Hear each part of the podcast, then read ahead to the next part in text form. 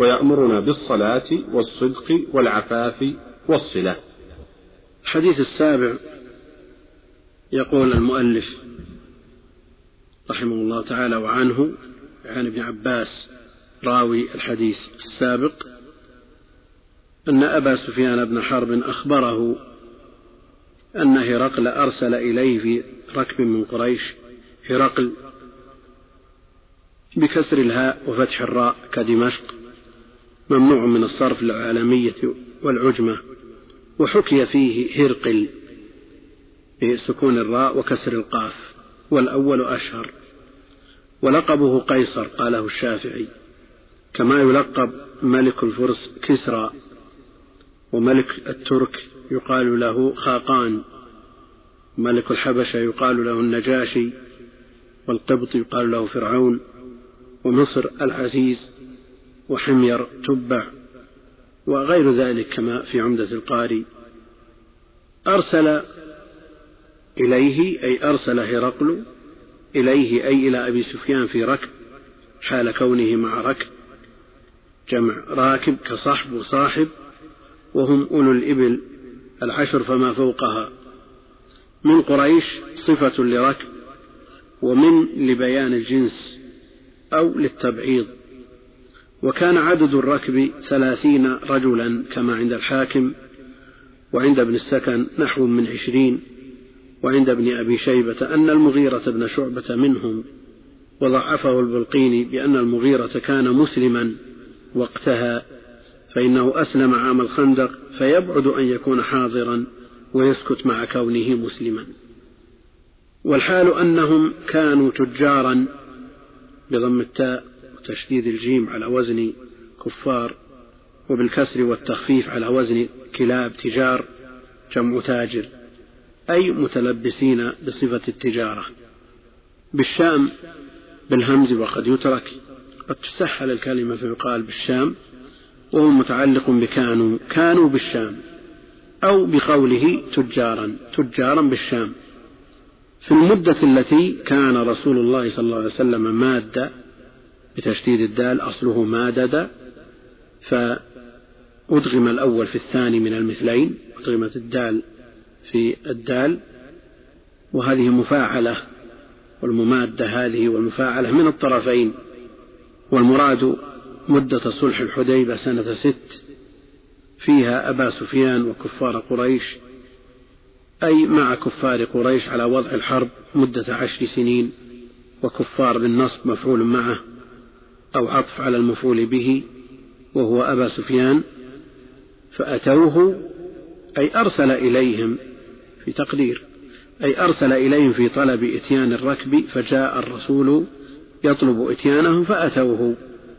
وقد وجدهم الرسول بغزة وجدهم الرسول بغزة وهم أي هرقل وجماعته وفي رواية وهو بإيلياء بالمد على وزن كبرياء وإيليا بالقصر وبحذف الياء الأولى إلياء وهو بيت المقدس. والباء بمعنى في. الباء للظرفية بمعنى في. على هذا لا ينكر إذا قيل بمكان كذا والمراد في مكان كذا. فدعاهم هرقل حال كونه في مجلسه وحوله منصوب على الظرفية وهو خبر المبتدأ. الذي هو عظماء الروم وهم ولد عيص بن إسحاق بن إبراهيم على الصحيح ودخل فيهم طوائف من العرب من تنوخ وبهراء وغيرهم من غسان كانوا بالشام فلما أجلاهم المسلمون عنها دخلوا بلاد الروم واستوطنوها فاختلطت أنسابهم وعند ابن السكن وعنده بطارقته والقسيسون والرهبان. ثم دعاهم. قال فدعاهم ثم دعاهم. ثم دعاهم عطف على قول فدعاهم وليس بتكرار بل معناه أمر بإحضارهم. فلما حضروا وقعت مهلة ثم استدناهم كما أشعر بذلك العطف بثم كأنه دعاهم. فأحضروا إلى قصره ثم دعاهم ثانية إلى مجلسه.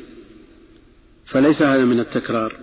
ودعا ترجمانه في رواية بترجمانه في رواية بالترجمان وهو بفتح المثنات الفوقية وضم الجيم وقد تضم التاء. والترجمان المفسر من لغة إلى لغة وقد يطلق على المبلغ باللغة نفسها كما في الصحيح في كتاب الإيمان عن أبي جمرة نصر بن عمران قال كنت أترجم بين ابن عباس والناس يعني يبلغ صوت ابن عباس. ثم قال هرقل للترجمان يعني الأصل في الترجمان أنه يحول من لغة إلى لغة لكن قد تطلق الترجمة بإزاء التبليغ وإن كانت اللغة واحدة. ثم قال هرقل للترجمان قل لهم أيكم أقرب؟ فقال الترجمان أيكم أقرب نسبا بهذا الرجل؟ ضمن أقرب معنى أقعد فعداه بالباء. وفي رواية من هذا الرجل على الأصل. في رواية إلى هذا الرجل ولا إشكال فيها فإن أقرب يتعدى بإلى كما قال تعالى ونحن أقرب إليه. أيكم أقرب نسبا بهذا الرجل؟ أقرب مضمن معنى أقعد به وألصق به لماذا لا نقول أن الباء هنا بمعنى من؟ والحروف يأتي بعضها بدل بعض كما يقولون الحروف تتقارض شيخ الإسلام رحمه الله تعالى يرى أنه إذا أمكن تضمين الفعل فهو أولى من تضمين الحرف. تضمين الفعل معنى فعل آخر يناسب الحرف المذكور في السياق يتعدى بالحرف المذكور فلا شك أنه أولى من تضمين الحرف.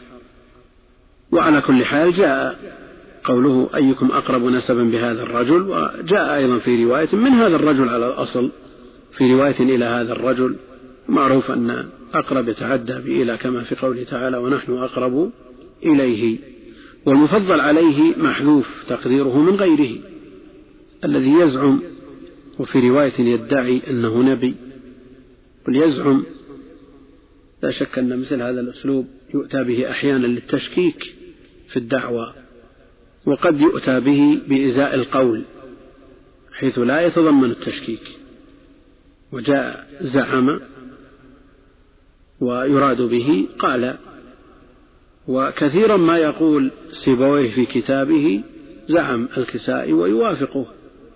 لا يعني هذا أنه يشكك في كلامه.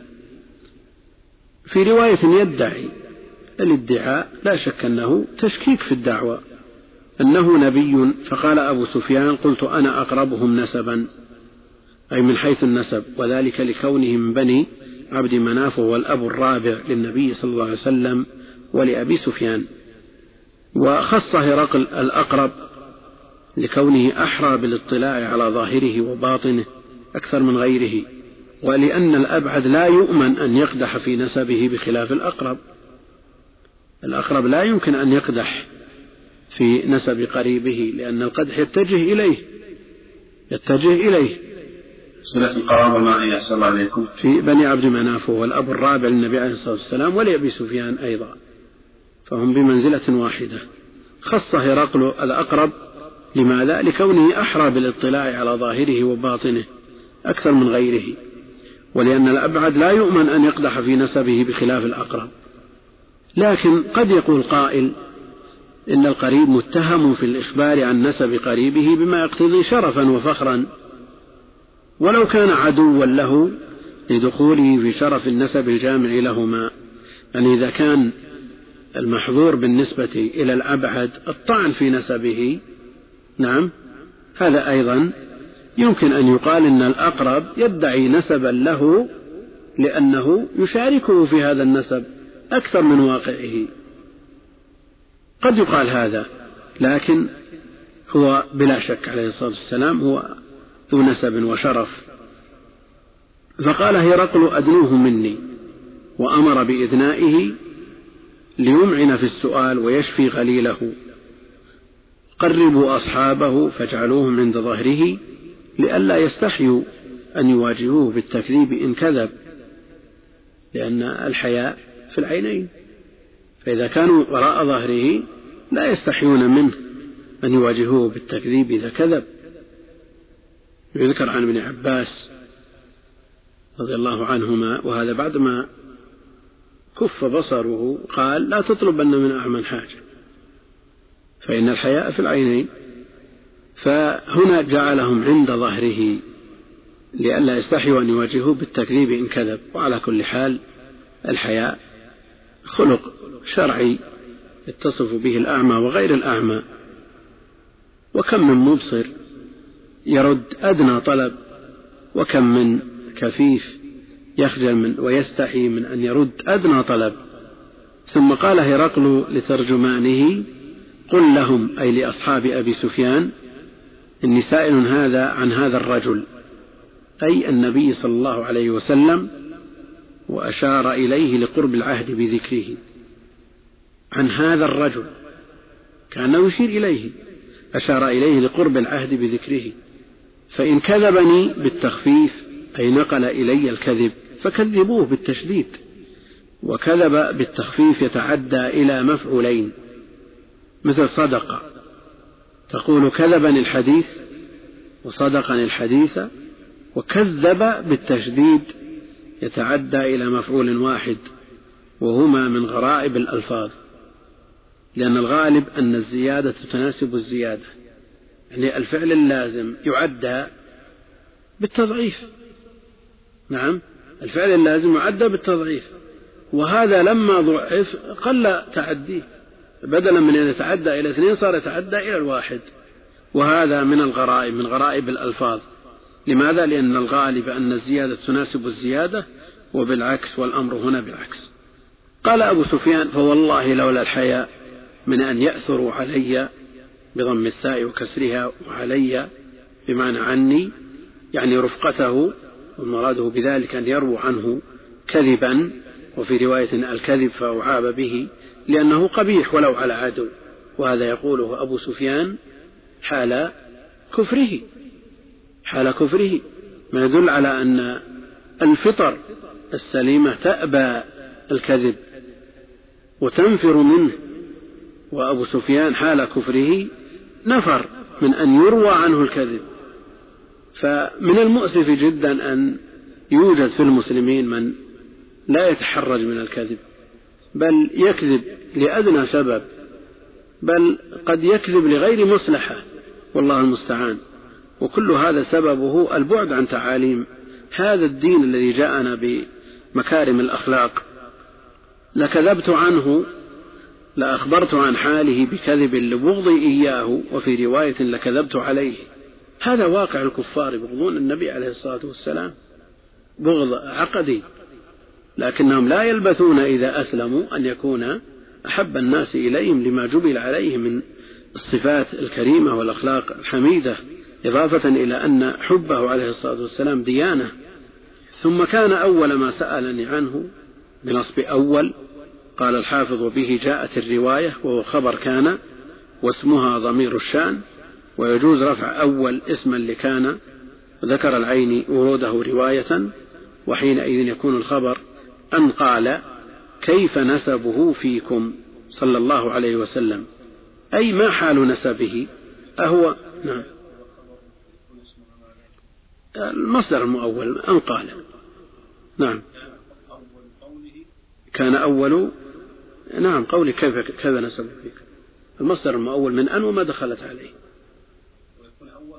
شو ليس البر أن تولوا؟ البر خبر ليس والمصدر المنسبك من أن وما دخلت عليه اسم ليس. وإذا جئت بالبر وهنا أول فيكون خبرها المصدر المنسبك وهكذا. أن قال كيف نسبه فيكم صلى الله عليه وسلم أي ما حال نسبه؟ أهو من أشرافكم أم لا؟ قلت هو فينا ذو نسب أي صاحب نسب عظيم فالتنوين للتعظيم كما في قوله تعالى ولكم في القصاص حياة. تنوين حياة. هذا لا شك أنه للتعظيم عن حياة عظيمة. قال هرقل هل قال هذا القول منكم من قريش أحد قط بتشديد الطاء المضمومة؟ ولا يستعمل إلا في الماضي المنفي واستعمل هنا بغير أداة النفي وهو نادر. وأجيب بأن الاستفهام حكمه حكم النفي كأنه قال هل قال هذا القول أحد أو لم يقله أحد قط قبله بالنصب على الظرفية وفي رواية مثله؟ قلت لا أي لم يقله أحد قبله. قال هرقل فهل كان من آبائه من ملك بكسر اللام ومن بكسر الميم؟ وفي رواية من ملك من بفتح الميم وملك بفتح اللام فعل ماضي وروي بإسقاط من والأول أشهر وأرجح. من ملك. قال أبو سفيان قلت لا. قال هرقل فأشراف الناس يتبعونه أم ضعفاؤهم؟ قال أبو سفيان قلت بل ضعفاؤهم أي اتبعوه. والشرف علو الحسب والمجد. وقد شرف بالضم فهو شريف وقوم شرفاء وأشراف. وجاء في حديث عند الترمذي الحسب المال.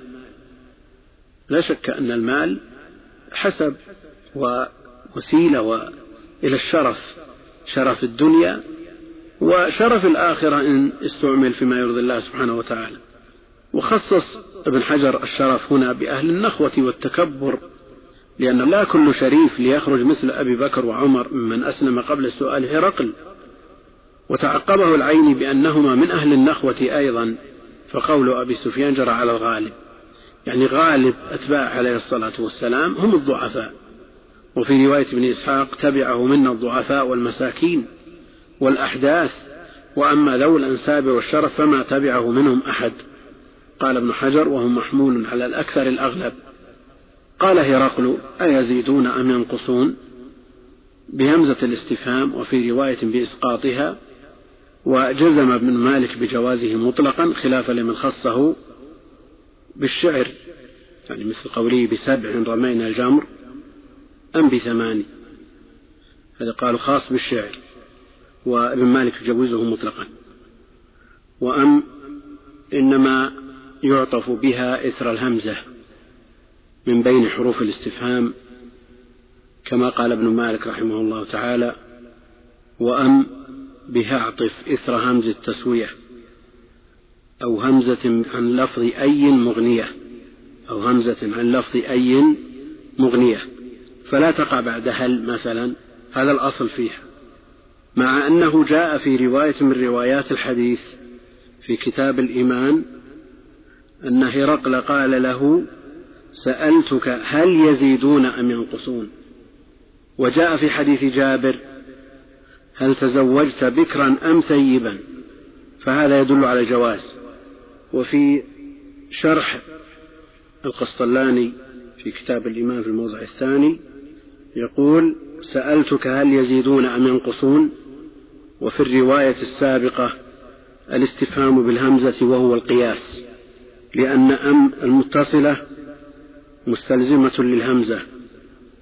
وأجيب بأن أم هنا منقطعة أي بل ينقصون فيكون إضرابا عن سؤال الزيادة. واستفهاما عن النقصان على أن جار الله أطلق أنها لا تقع إلا بعد الاستفهام فهو أعم من الهمزة. يعني تقع بعد أي حرف من حروف الاستفهام. والمراد بجار الله الزمخشري كما هو معروف. قال أبو سفيان قلت بل يزيدون. قال هرقل فهل يرتد أحد منهم سخطة بفتح السين المهملة؟ سخطة منصوب مفعول لأجله. أو حال أي ساخطا أي كراهة وعدم رضا. وجوز ابن حجر سخطة الضم والفتح سخطة وسخطة. أي فهل يرتد أحد منهم كراهة لدينه بعد أن يدخل فيه؟ أخرج به من ارتد مكرها. أو لا سخطا لدين الإسلام بل لرغبة في غيره كحظ النفساني. كما وقع لعبيد الله بن جحش. قال أبو سفيان قلت لا. فإن قلت لم لم يستغن هرقل بقوله بل يزيدون عن قوله هل يرتد أحد منهم؟ أجيب بأنه لا ملازمة بين الازدياد والنقص فقد يرتد بعضهم ولا يظهر فيهم النقص باعتبار كثرة من يدخل وقلة من يرتد مثلا. فلا تلازم حينئذ. وإنما سأل عن الارتداد لأن من دخل على بصيرة في أمر محقق لا يرجع عنه بخلاف من دخل في أباطيل. قال هرقل فهل كنتم تتهمونه بالكذب يعني على الناس؟ قبل أن يقول ما قال قال أبو سفيان قلت لا.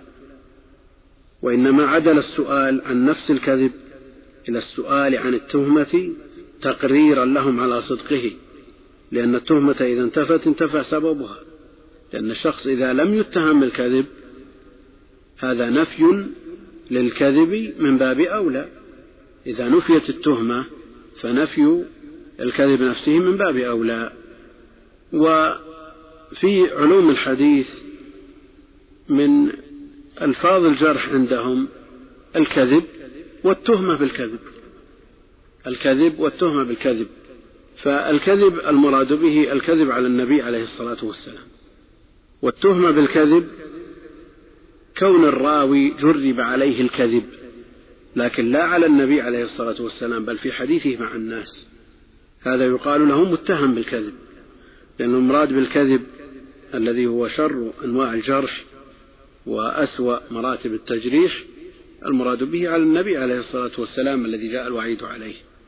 ودونه التهمة بالكذب بأن يثبت بأن هذا الراوي يتعاطى الكذب في كلامه العادي مع الناس لكن لم يثبت عنه أنه كذب على النبي عليه الصلاة والسلام وحينئذ يكون متهما بالكذب.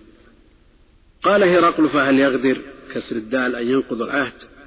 قال أبو سفيان قلت لا ونحن منه أي النبي صلى الله عليه وسلم في مدة أي مدة صلح الحديبية أو غيبة وانقطاع فلا ندري ما هو فاعل فيها أي في المدة.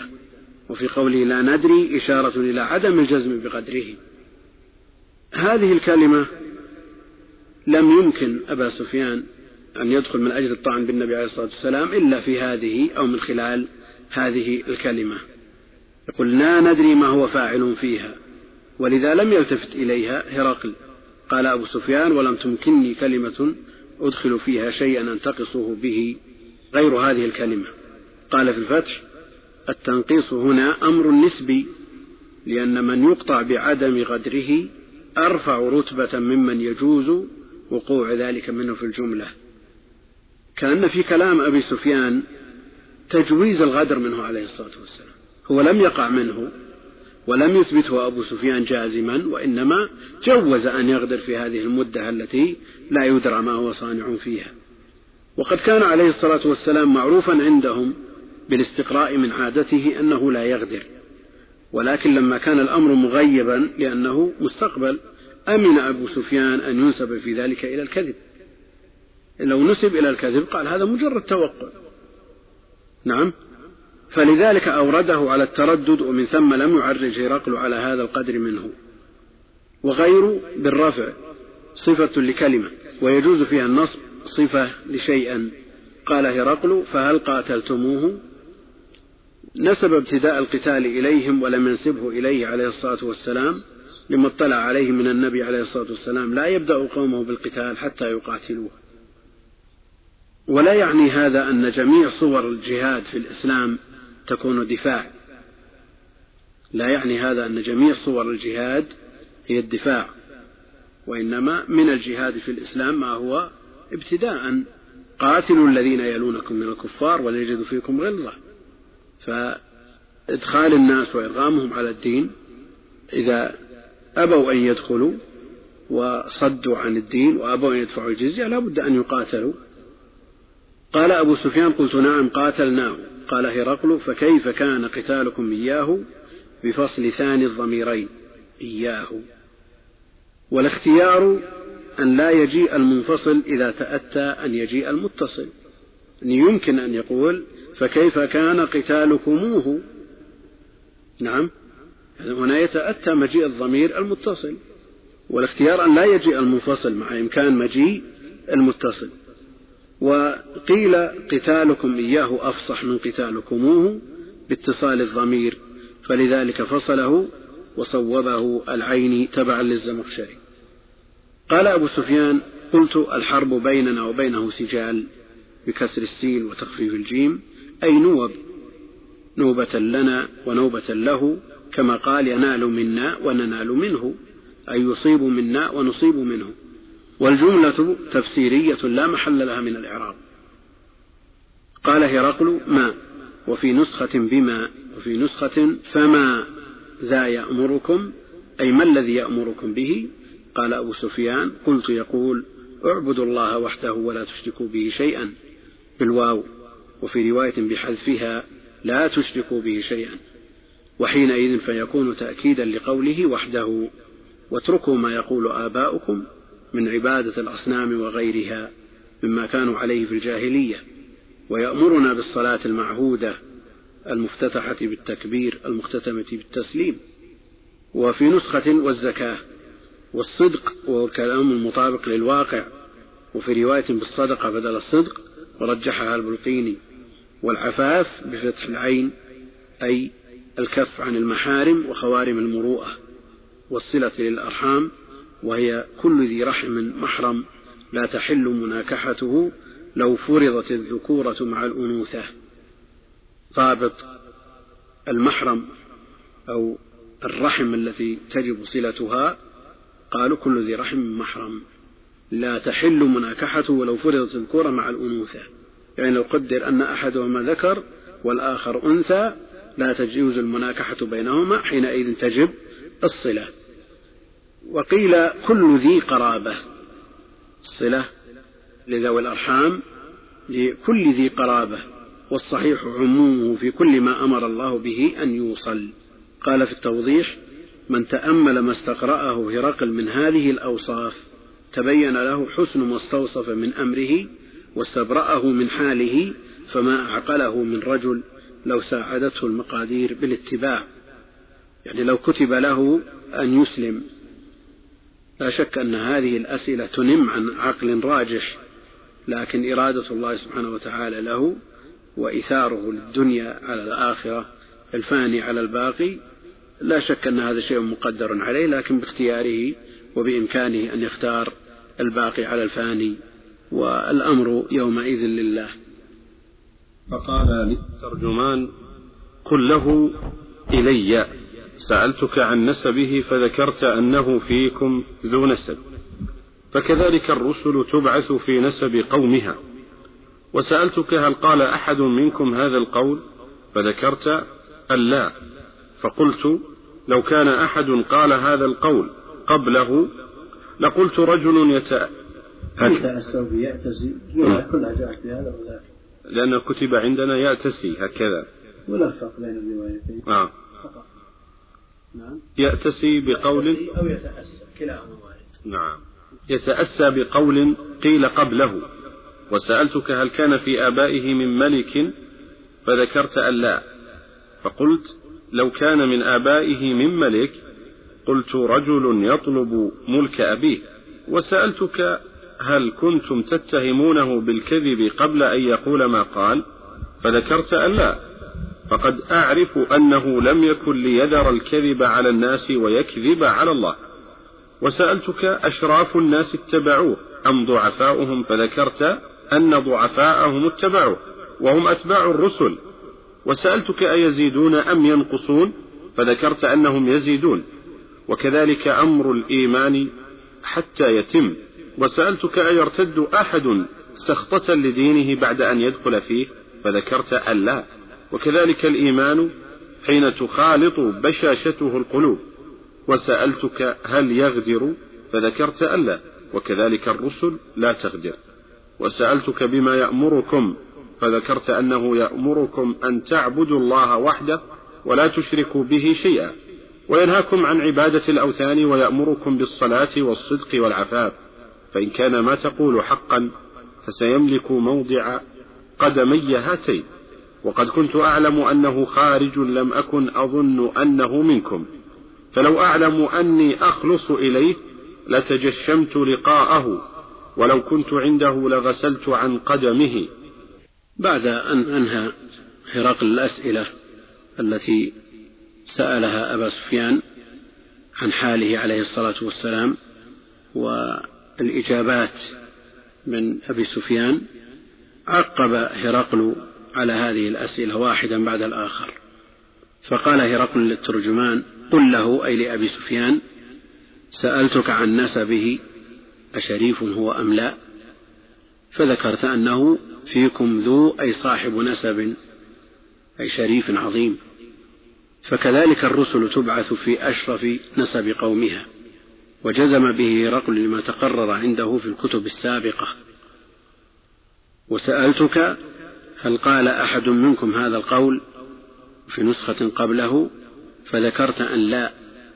فقلت لو كان أحد قال هذا القول قبله لقلت رجل يأتسي بقول قيل قبله يأتسي يقتدي ويتبع وفي رواية يتأسى. وسألتك هل كان من آبائه من ملك فذكرت أن لا؟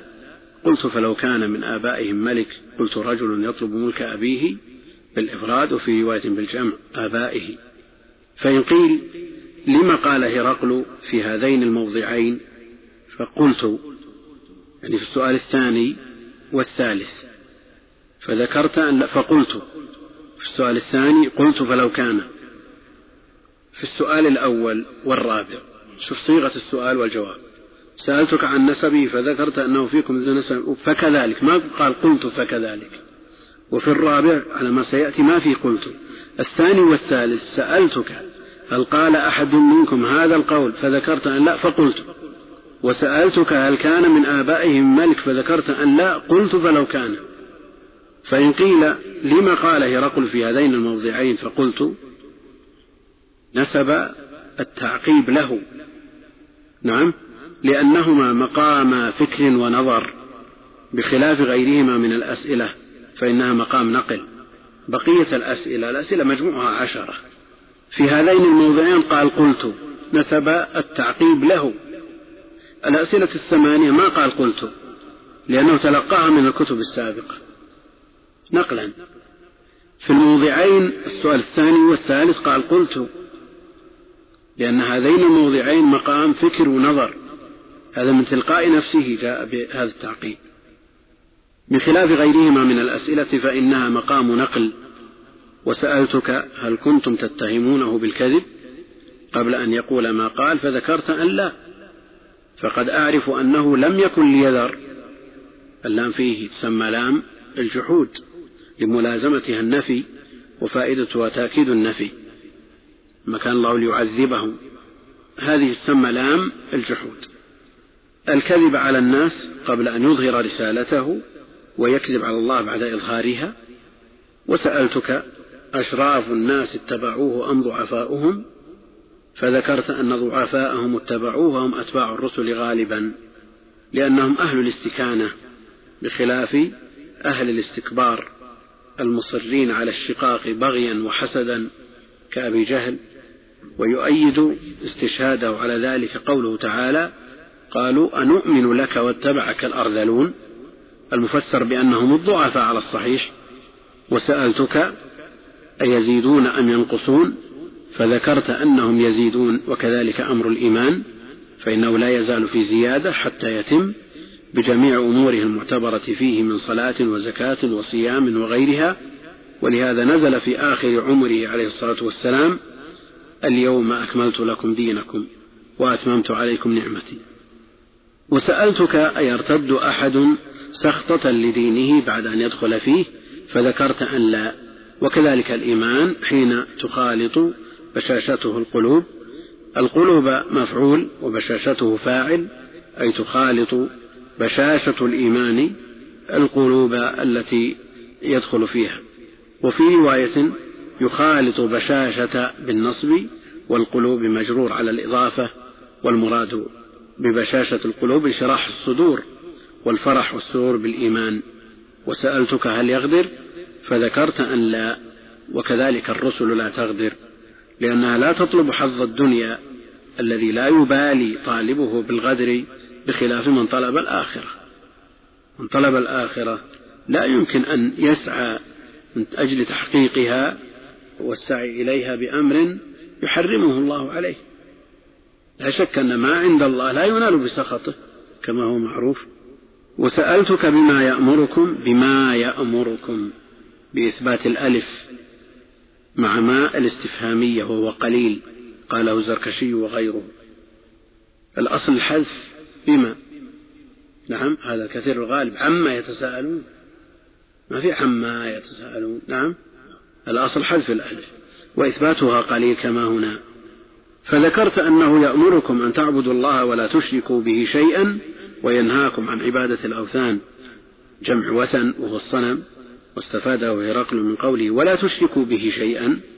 واتركوا ما يقوله آباؤكم لأن مقولهم الأمر بعبادة الأوثان. ويأمركم بالصلاة والصدق والعفاف وهذا تقدم ولم يعرج هرقل على الدسيسة التي دسها أبو سفيان. يعني قوله ونحن منه في مدة. ما ندري ما هو صانع فيها. لم يعرج عليها لأنها لا رصيد لها من الواقع وهي أيضا من عدو. وسقط هنا إيراد السؤال العاشر وجوابه وثبت ذلك في كتاب الجهاد. وسألتك هل قاتلتموه؟ وقاتلكم؟ فزعمت أنه قد فعل وأن حربكم وحربه تكون دولا. يدال عليكم المرة وتدالون عليه الأخرى. وكذلك الرسل تبتلى وتكون لها العاقبة. السؤال العاشر سقط هنا إيراده ثم قال هرقل لأبي سفيان فإن كان ما تقول حقا لأن الخبر يحتمل الصدق والكذب كما هو معروف فسيملك يعني النبي صلى الله عليه وسلم موضع قدمي هاتين يعني أرض ملكه. وقد كنت أعلم أنه خارج. قاله لما عنده من علامات نبوته عليه الصلاة والسلام الثابتة في الكتب القديمة. وفي رواية في كتاب التفسير فإن كان ما تقول حقا فإنه نبي. وفي الجهاد وهذه صفة نبي. لم أكن أظن أنه منكم أي من قريش فلو أني أعلم أني أخلص أي أصل إليه لتجشمت أي لتكلفت لقاءه على ما فيه من المشقة. قال ابن بطال هذا التجشم هو الهجرة وفي مرسل ابن إسحاق عن بعض أهل العلم أن هرقل قال ويحك والله إني لأعلم أنه نبي مرسل ولكني أخاف الروم على نفسي ولولا ذلك لاتبعته وخفي على هرقل قوله صلى الله عليه وسلم الآتي في كتاب النبي عليه الصلاة والسلام أسلم تسلم. خفي عليه قوله عليه الصلاة والسلام أسلم تسلم. فلو حمل الجزاء السلامة تسلم. على عمومه في الدارين لسلم. لسلم لو أسلم من جميع المخاوف في الدنيا والآخرة. ولو كنت عنده لغسلت عن قدميه. قال ذلك مبالغة في الخدمة. وفي رواية لغسلت عن قدمه. أو في رواية لغسلت قدميه بدون عن. ثم دعا هرقل بكتاب النبي عليه الصلاة والسلام. سم. السلام عليكم. عندما قال هنا سألتك هل كان في آبائهم ملك؟ كانت قريش لا تعتبر عبد المطلب ملكا في وقتها وليس له امرأة. وبالتالي لا يحتسبون أن النبي صلى الله عليه وسلم من سلالة قوم كان لهم رأي في قريش. العرب في الجاهلية عاشوا فوضى. ليس هناك ملك مرتب منظم كما عند غيرهم من الأمم. فهو في الاصطلاح أو في العرف السياسي سواء كان في القديم أو في الحديث لا يسمى ملك. كبير سيد وكبير قوم. لا ليس بملك عرفا. يعيشون فوضى ما اعتبر ملك هذه الحادثة كانت في أثناء فترة الصلح. أي نعم بعد صلح الحديبية. سنة ست نعم. ثم حصل بعدها ما حصل من آه، إسلام آه، أبي سفيان رضي الله عنه ونقل هذه الحادثة إلى الصحابة. نعم. نقلها عنه ابن عباس. نقلها كما هي. وهذا يدل على أمانة الصحابة وثقتهم لأن فيها بعض الأشياء التي لو كانت المسألة بالرأي كان يغطيها أبو سفيان بل يخفيها ولا يرويها للناس لأنها قدح فيه.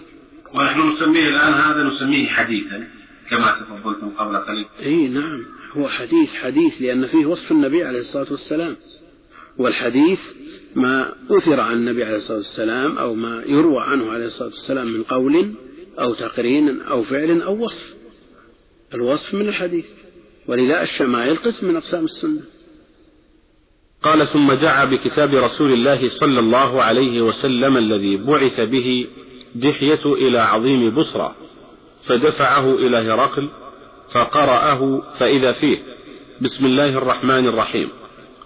من محمد عبد الله ورسوله إلى هرقل عظيم الروم. سلام على من اتبع الهدى. أما بعد فإني أدعوك بدعاية الإسلام. أسلم تسلم. يؤتك الله أجرك مرتين. فإن توليت فإن عليك إثم الأريسيين. ويا أهل الكتاب تعالوا إلى كلمة سواء بيننا وبينكم ألا نعبد إلا الله ولا نشرك به شيئا ولا يتخذ بعضنا بعضا أربابا من دون الله. فإن تولوا فقولوا اشهدوا بأننا مسلمون. قال قال أبو سفيان فلما قال ما قال وفرغ من قراءة الكتاب كثر عنده الصخب. وارتفعت الأصوات وأخرجنا. فقلت لأصحابي لقد أمر عمرو ابن أبي كبشة إنه يخافه ملك بني الأصفر فما زلت موقنا أنه سيظهر حتى أدخل الله علي الإسلام. في تتمة الحديث السابق في قصة هرقل ثم دعا هرقل بكتاب رسول الله صلى الله عليه وسلم الذي بعث به دحيته بكسر الدال هو فاعل بعث به دحيته وهو ابن خليفة الكلبي صحابي جليل كان من أحسن الناس وجها أسلم قديما. ذكر في الشروح أنه كان يمشي متلثما لئلا يفتتن به من جماله. ولذا جاء جبريل عليه السلام في صورته. وفي رواية بعث به مع دحية أي بعثه عليه الصلاة والسلام معه وكان في آخر سنة الست بعد أن رجع من الحديبية. إلى عظيم أهل بصرى بضم الباء الموحدة مقصورا مدينة في الشام من أعمال حوران أي أميرها الحارث. بن أبي شمر الغساني فدفعه إلى هرقل فقرأه هرقل بنفسه أو الترجمان بأمره وفي مرسل محمد بن كعب القرظي عند الواقدي فدعا الترجمان الذي يقرأ بالعربية فقرأه. فإذا فيه بسم الله الرحمن الرحيم وفي ذلك استحباب تصدير الكتب بالبسملة وإن كان المبعوث إليه كافرا. في جميع مكاتباته عليه الصلاة والسلام يفتتح الكتاب بالبسملة دون الحمدلة.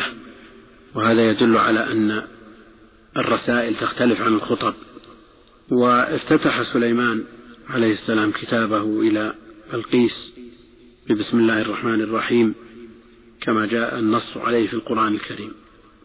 من محمد عبد الله ورسوله وصف نفسه الشريفة بالعبودية تعريضا لبطلان قول النصارى في المسيح أنه ابن الله لأن الرسل مستوون في أنهم عباد الله. وفيه أيضا الرد على الغلاة الذين غلوا فيه عليه الصلاة والسلام ممن ينتسب إلى الإسلام كمن يقول يا أكرم الخلق ما لي من ألوذ به سواك عند حلول الحادث العممي يا أكرم الخلق ما لي من ألوذ به أين الله سبحانه وتعالى؟ إلى أن قال فإن من جودك الدنيا وضرتها ومن علومك علم اللوح والقلم ماذا أبقى لله مثل هذا؟ نسأل الله العافية. فالنبي عليه الصلاة والسلام أشرف مقاماته العبودية وأنه لما قام عبد الله سبحان الذي أسرى بعبده وهنا قال من محمد عبد الله ورسوله. فالوصف بالعبودية رد على الغلاة والوصف بالرسالة رد على من ينتقصه عليه الصلاة والسلام. وفي استحباب ابتداء الكاتب بنفسه قبل المكتوب إليه. السنة في المكاتبات أن يقال من فلان إلى فلان. هذه الطريقة المتبعة عنده عليه الصلاة والسلام. من فلان إلى فلان. فيستحب للكاتب أن يبدأ بنفسه قبل المكتوب إليه. نص على هذا أهل العلم استنباطا من مثل هذا الحديث وإن كان بعضهم يختار البداء بالأكبر فإن كان الكاتب أكبر قدم اسمه وإن كان المكتوب إليه أكبر قدم إلى فلان بن فلان من فلان. عملا بقوله عليه الصلاة والسلام كبر كبر. وأما الإمام أحمد رحمه الله تعالى فكان يبدأ في مكاتباته باسم المكتوب إليه دائما. سواء كان صغيرا أو كبيرا تواضعا منه رحمه الله. تواضعا منه رحمه الله. ولا شك أن هذا ثابت عنه عليه الصلاة والسلام فالأولى الاقتداء به مع استصحاب التواضع وحظم النفس يعني يستحضر الإنسان الاقتداء بالنبي عليه الصلاة والسلام ويستحضر أيضا التواضع وهضم النفس وأنه ما قدم اسمه إلا من أجل الائتساء والاقتداء بالنبي عليه الصلاة والسلام. ولو قرن اسمه بوصف يدل على التواضع وقرن اسم المكتوب إليه الذي أخر اسمه وإن كان كبيرا بما يدل على رفعة شأنه كما قال النبي عليه الصلاة والسلام إلى هرقل عظيم الروم. فقال في الخطاب إلى هرقل عظيم الروم أي المعظم عندهم ووصفه بذلك لمصلحة التأليف ولم يصفه بالإمرة ولا الملك. لكونه معزولا من حكم الإسلام. حكما ليس بملك وإنما هو عظيم قومه. وذكر المدائن أن القارئ لما قرأ من محمد يعني قدم اسمه عليه الصلاة والسلام غضب أخو هرقل واجتذب الكتاب فقال له هرقل ما لك؟ فقال لأنه بدأ بنفسه وسماك صاحب الروم. قال هرقل إنك لضعيف الرأي. أتريد أن أرمي بكتاب قبل أن أعلم ما فيه؟ لئن كان رسول الله إنه لأحق أن يبدأ بنفسه. ولقد صدق. أنا صاحب الروم. والله مالكي ومالكه سلام بالتنكير وفي رواية السلام. وجوز أهل العلم على حد سواء خيروا بين التعريف والتنكير في السلام على الحي. ولذا قالوا ويخير بين تعريفه وتنكيره في سلام على الحي. أما بالنسبة للميت فيقتفى اللفظ النبوي الوارد. السلام عليكم دار قوم مؤمنين إلى آخره. على من اتبع الهدى أي الرشاد على حد قول موسى وهارون لفرعون. والسلام على من اتبع الهدى. والمعنى سلم من عذاب الله من أسلم. فليس المراد به التحية. وإن كان اللفظ يشعر به لأنه لم يسلم فليس هو من اتبع الهدى. أما بعد بالبناء على الضم لقطعه عن الإضافة المنوية لفظا وسبق الحديث عنها باختصار في شرح المقدمة وذكر الخلاف في أول من قالها من بين ثمانية أقوال يجمعها قول الشاعر جرى الخلف أما بعد من كان بادئا بها عد أقوال وداود أقرب ويعقوب أيوب الصبور وآدم وقس وسحبان وكعب ويعرب.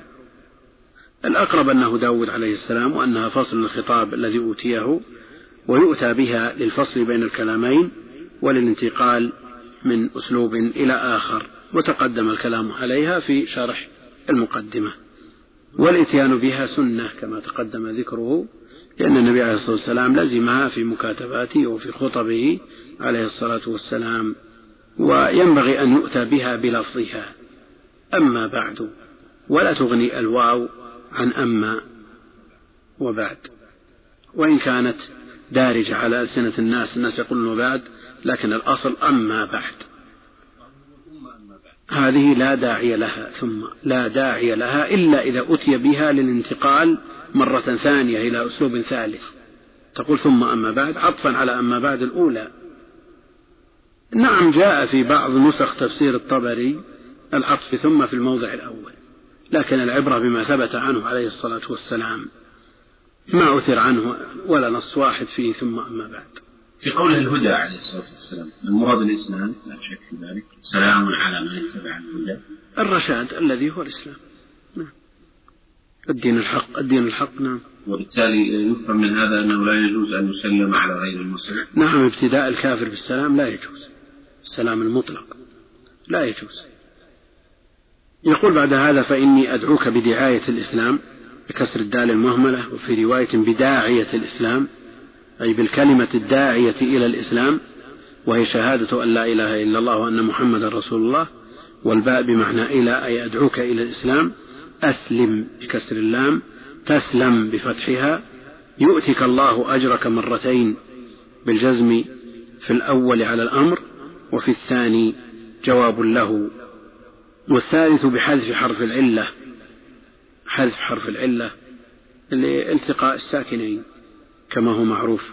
جواب ثاني له أيضا أو بدل منه. أسلم تسلم. أسلم فعل أمر. مبني على السكون. تسلم. جواب الطلب. أو جواب شرط مقدر. إن تسلم تسلم كما يقوله بعضهم. يؤتك. جواب ثاني أيضا أو بدل منه. وجاء في كتاب الجهاد على ما سيأتي تكرار أسلم. أسلم تسلم وأسلم يؤتك. على ما ستأتي الإشارة إليه قريبا إن شاء الله تعالى. وإعطاء الأجر مرتين لكونه مؤمنا بنبيه ثم آمن بمحمد عليه الصلاة والسلام. وقد جاء في هذا الحديث الصحيح ثلاثة يؤتون أجرهم مرتين وذكر منهم رجل آمن بنبيه ثم آمن بالنبي عليه الصلاة والسلام. وهذا منهم. أو من جهة أن إسلامه يكون سببا لإسلام أتباعه. لكن الأول أقرب. وقوله أسلم تسلم فيه غاية الاختصار ونهاية الإيجاز والبلاغة وجمع المعاني مع ما فيه من الجناس الاشتقاقي وهو أن يرجع اللفظان في الاشتقاق إلى أصل واحد. وفي الجهاد عند المؤلف أسلم تسلم وأسلم يؤتك. بتكرار أسلم مع زيادة الواو في الثانية فيكون الأمر الأول للدخول في الإسلام والثاني للدوام عليه على حد قوله تعالى يا أيها الذين آمنوا آمنوا. قاله الحافظ ابن حجر وعورض بأن الآية في حق المنافقين أي يا أيها الذين آمنوا نفاقا آمنوا إخلاصا. قاله مجاهد. ومنزلة مجاهد في التفسير معروفة. إذا جاءك التفسير عن مجاهد فحسبك به. عرض التفسير ثلاث مرات على ابن عباس من أوله إلى آخره. وابن عباس رضي الله عنهما يقول نزلت في مؤمني أهل الكتاب. يا أيها الذين آمنوا يعني بأنبيائهم السابقين آمنوا بمحمد عليه الصلاة والسلام. وهي عند جماعة من المفسرين خطاب للمؤمنين بمحمد عليه الصلاة والسلام ويكون المراد بآمنوا الثانية دوموا واثبتوا على إيمانكم. يا أيها الذين آمنوا أنتم على خير على إيمان لكن اثبتوا على هذا الخير ودوموا عليه. فيكون المراد الاستمرار عليه. ومنهم من يقول المراد بآمنوا هنا ازدادوا من الإيمان. يا أيها الذين آمنوا عندكم أصل الإيمان صحيح لكن ازدادوا من الإيمان. فالإيمان يقبل الزيادة كما هو معروف. فإن توليت أي أعرضت عن الإسلام فإن عليك مع إثمك اسم اليريسين بمثناتين تحتيتين جمع يريس على وزن كريم. وفي رواية الأريسين بقلب المثنات الأولى همزة وفي أخرى اليريسيين بيائين جمع يريسي وفي رواية الأريسيين والمعنى أنه إذا كان عليه إثم الأتباع بسبب اتباعهم له على استمرار الكفر فلا أن يكون عليه إثم نفسه من باب أولى. فإن قلت هذا معارض بقوله تعالى ولا تزر وازرة وزر أخرى أجيب بأن وزر الإثم لا يتحمله غيره ولكن الفاعل المتسبب والمتلبس بالسيئات يتحمل من جهتين جهة فعله وجهة تسببه. المقتدى به في أي عمل سواء كان عمل خير أو عمل شر. من سن سنة حسنة فله أجرها وأجر من عمل بها إلى يوم القيامة ومن سن سنة سيئة فعليه وزرها ووزر من عمل بها عليه إثمها وإثم من عمل بها. يتحمل إثمه بفعله وإثم غيره بالاقتداء به. ولا شك أن الكبراء والعظماء يقتدى بهم إن أطعنا سادتنا وكبراءنا فلا شك أن عليهم إثم من يقتدي بهم. والأريسيون الأكارون أي الفلاحون أي عليك إثم رعاياك الذين يتبعونك.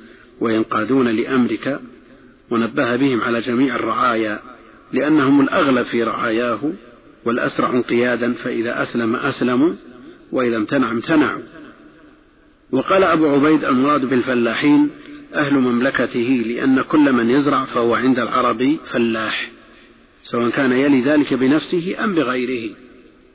فأهل مملكته أهل زراعة منهم من يتولى الزراعة بيده وبنفسه ومنهم من يتولاها بماله فيؤاجر الناس عليها. وقيل هم الأجراء وقيل العشارون أي أهل المكس. وقيل الخدم والخول ويا أهل الكتاب. معطوف على قوله أدعوك يدعوك بدعاية الإسلام وأدعوك بقوله تعالى أو أتلو عليك أو أقرأ عليك يا أهل الكتاب.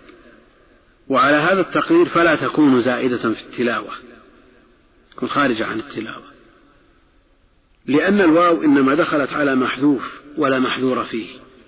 وقيل إنه عليه الصلاة والسلام لم يرد التلاوة بل أراد مخاطبتهم بذلك وحينئذ فلا إشكال. وعرض هذا بأن العلماء استدلوا بهذا الحديث على جواز كتابة الآية والآيتين إلى أرض العدو. ولولا أن المراد الآية لما صح الاستدلال وهم أقوم وأعرف. وحذفت الواو في بعض الروايات يا أهل الكتاب فيكون بيانا لقوله بدعاية الإسلام وقوله يا أهل الكتاب يعم أهل الكتابين. تعالوا إلى كلمة سواء أي مستوية بيننا وبينكم لا يختلف فيها القرآن والتوراة والإنجيل. وتفسير الكلمة ألا نعبد إلا الله أي نوحده بالعبادة ونخلص له فيها. هذا القدر الذي هو التوحيد قدر مشترك بين الديانات كلها الديانات السماوية. نحن معاشر الأنبياء أولاد علات ديننا واحد الأصل واحد والشرائع مختلفة.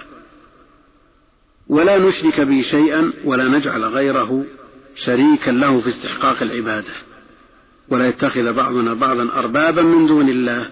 فلا نقول عزير بن الله ولا المسيح ابن الله ولا نطيع الأحبار فيما أحدثوه من التحريم والتحليل.